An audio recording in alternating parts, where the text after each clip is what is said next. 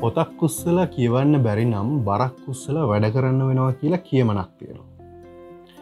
ඉතින් එ කියමනත් මතක් කරමින් මේ මට හම්බුණා පොතක් රිචඩ් බ්‍රන්සන්ගේ ස්කෝයිට් ලෙටස් ඩෝයිට් කියන පොත ඉතින් ඔයාල මම අපි හැමෝම මේ දවස්සල ගෙතරඉන්න හින්ද ඉතින් මම පොතක් කියවන්න තමයි අද යන්න. ඉතින් මේක මම තනියම කියවන්නේ නැතුව ඔයාලවත් සම්බන්ධ කරගෙන කියවන්න තමයි මේ දෙන ලෑස්ති වෙන්නේ. ඉතින් මේ පොත මේ පරිවර්තනයක්. ඉතින් මේක නිපුන් කුමාර කාලිංග කියන අතුරය තමයි මේක මේ ලියල තියෙන් දෙදස් හය තමයි ස රිචඩ් බ්‍රන්සන් එල මේක රිලිස් කරලා තින් එක පබ්ලිෂ් කරලා තියෙන්. වැඩි කතාව ඔන්නේ අපි මනටම කතුවරයා ගැන පොඩ්ඩක් බලමු. ශ්‍රීමත් රිචඩ් චාල්ස් නිකල්ස් බ්‍රන්සන් ඉදස් නමසය පණහේ ජූලි මස දහට වන දින මෙලව එළිය දුටුවය මව රියව් බ්‍රන්සන්. පෙරසිටි බැලේ නර්තන ශිල්පිනියකිසේම ගුවන් සේවිකාවකි. පියා එඩ්වඩ් බ්‍රන්සන් අධිනීතිීච්ඥවරයකි. දරුවන් තුන්දෙනෙකුගෙන් යුතු පවුලේ රිෂට් වැඩිමලාවිය. ඔහුට බාලසොහයුරන් දෙදෙනෙක් සිටි. වයස අවුරුදු දාසේදී පාසල් අධ්‍යාපනය නිම කරන රිචට් ශිෂ්‍ය සංග්‍රාවක් ආරම්භ කරමින් ව්‍යාපාරික ලෝකයට අත්පොත් තබන්නේය. ඉන් පසුව සංගීත තැටි අලවිය සඳහා යොමුවන ඔහු එහි සාර්ථකත්වයක් සමගම ඉදස් නමසි හැත්ත දෙක වසරේදී වර්ජින් මියසික් සමාගම අරබයි.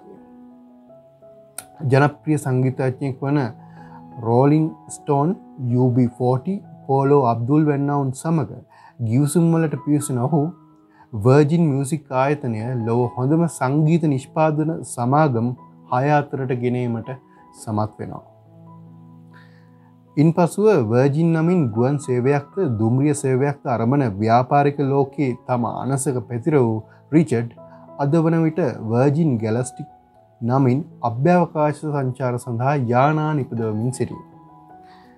වර්තමානයේදී සංචාරක ශ්‍රේෂත්‍රය බැංකු සේවා චිත්‍රපට සෞඛ්‍ය සේවා වැනි ශ්‍රේෂ්ඨවලින් අත්තු විහිදා සිටින මහා වක්ෂයක් බදු වර්ජින් සමූහ ව්‍යාපාරය බිලියන දහනමයයි දශම පහක අධික වියදමක් හා හැත්තෙක් දහකට අධික සේවක මණ්ඩලයක් සහිත වෙළඳ අධිරාජ්‍යයක් පඳුව.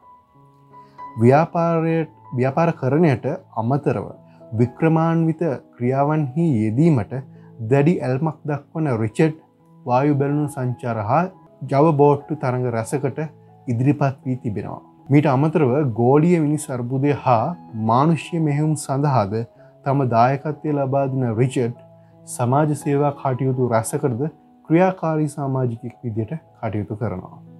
ඉදසම්සි අනු නමේ දෙසම්බර් තිස් වනිදි බ්‍රතානයේ දෙවන එලිසබෙත් රජන රිචඩ් බ්‍රන්සන් හට නයිට් පදවියෙන් ගෞරවය පුද කළේ ව්‍යාපාර්ග ශ්‍රේෂත්‍රයට ඔහුගෙන් සිදු වූ සේවය අගය කරමින්. අද වන විට ශ්‍රීමත් රිචඩ් බ්‍රන්සන් සිය දෙවන බිරිඳ වන ජෝ ඇන් සහ දරුවන් වන හෝලි සහ සෑම් සමඟ විවේක සුවයෙන් පසුවෙනවා. ඔහුගේ ප්‍රියතම වාසස්ථානය වනුවේ නිකර දූපත් සහ බ්‍රතානය වර්ජින් දූපත්. සිය ජීවිතය තුළින් උගත් පාඩම් හා සාර්ථකත්වයට ග්‍රන්ථ කිහිපයක්ම පල කර ඇති රිචට් මේ කෘතිය දෙදා සයිවසරේදී ස්කරයිට් ලෙටස් ඩෝයිට් නමින් එඩි දක්වා තියෙනවා. ඉතින් මේක තමයි මේ කතුවරයාගේ පොත රිචඩ්ගේ පොත හරි ඉතින් මේක සුරස ප්‍රකාශනයක් විදිර තමයි මේක පබ්ලිෂ් කරලා තියෙන් මමට කියන්න ඕනේ මේ ඕඩියෝ එක මේ එමත මේ කතාව ඔයාලට හන්න පුළුවන් පෝඩ්කාස්ට එකක් විදිර.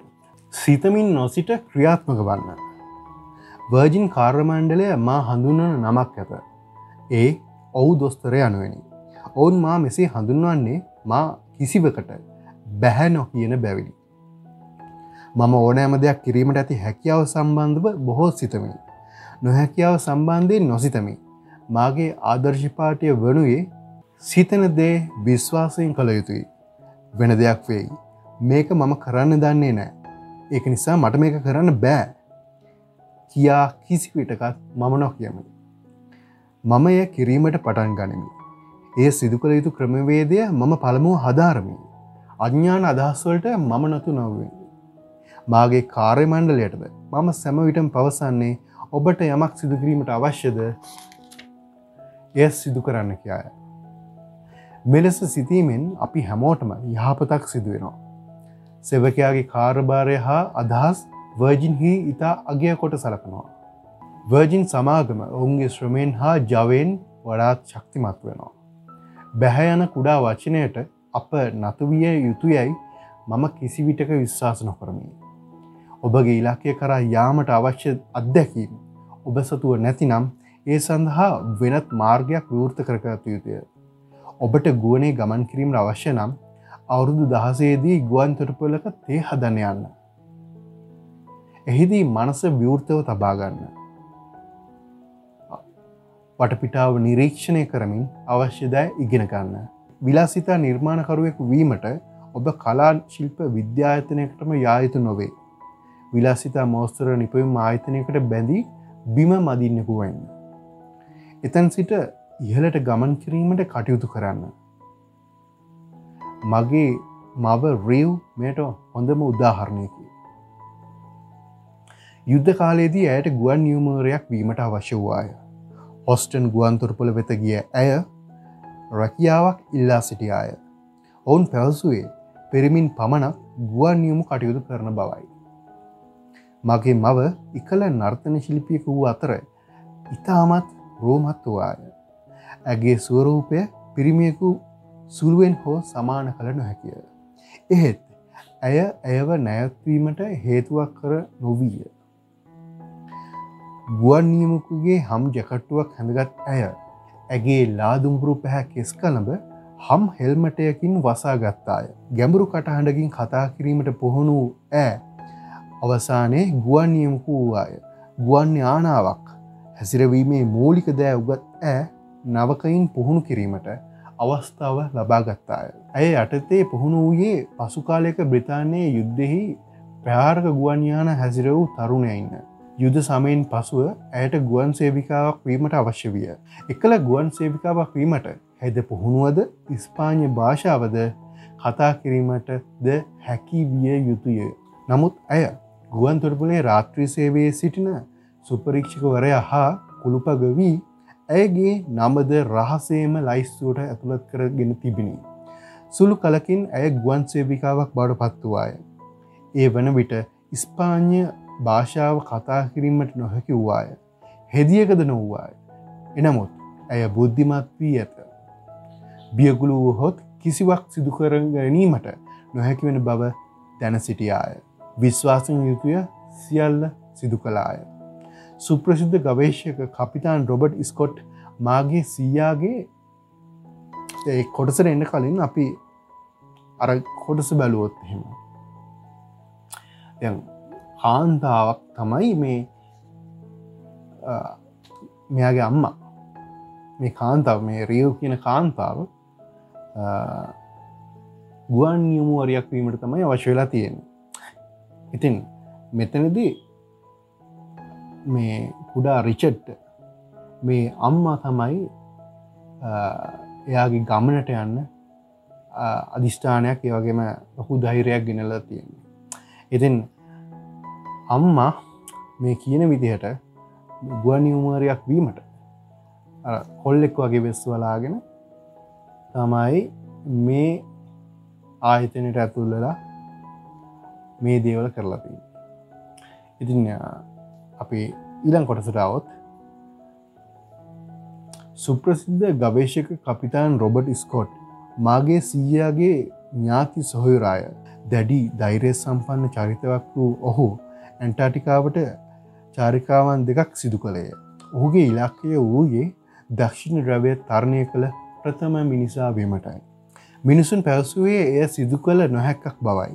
ඔහු තරයේ කියා සිටියේ එය කළ හැකි බවයි. එසේම ඔහු එය සිදු කළේය. රෝල්ඩ් ඇම්ස්ඩන් ප්‍රථමයා විය. එය ස්කොට් හට විශිෂ්ට ගමනක් විය. නැවත පැමිණෙන ගමනේදී මරණයට පස්විය. දෙවනියෙකු වීමේ වටිනාකමත් නොමතියයි මිනිසුන් පවසන විට ඔහුද මට සිහිවේ. දක්ෂිණ ද්‍රවයට දෙවනියට ළඟාව පුද්ගලය ලෙස ඔහු අදටද ප්‍රසිද්ධය. ඇන්ටාඩිකාවට ඉහලින් ප්‍රථම බැලුම් ගමනද ඔහු සිදු කළේය. එහෙත් අද වන විට එය ලෝකයාගේ මතකෙන් ගිලිහි ඇත. පාසල් සමයේදී මා ශිෂ්‍ය සංග්‍රාවක් පටන් ගන්නා විට මට වයස පහළවකි. බොහෝ පුද්ගලින් පැවසුවේ ඒ මට කළ නොහැකි දෙයක් පවයි.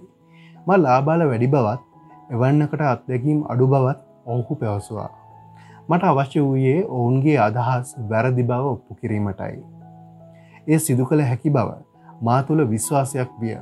ඉතා සැලකිල්ලෙන් මේ සඳහා යන වියදම් ගනම් බැලීම් මුද්‍රණ හා කඩදාසි ගනන්ද ඉන් පසු විකුණුම් හා දැන්වීම් ප්‍රචාණයන්ගෙන් ලැබෙන ආදායම්ද සැලකා බලමි.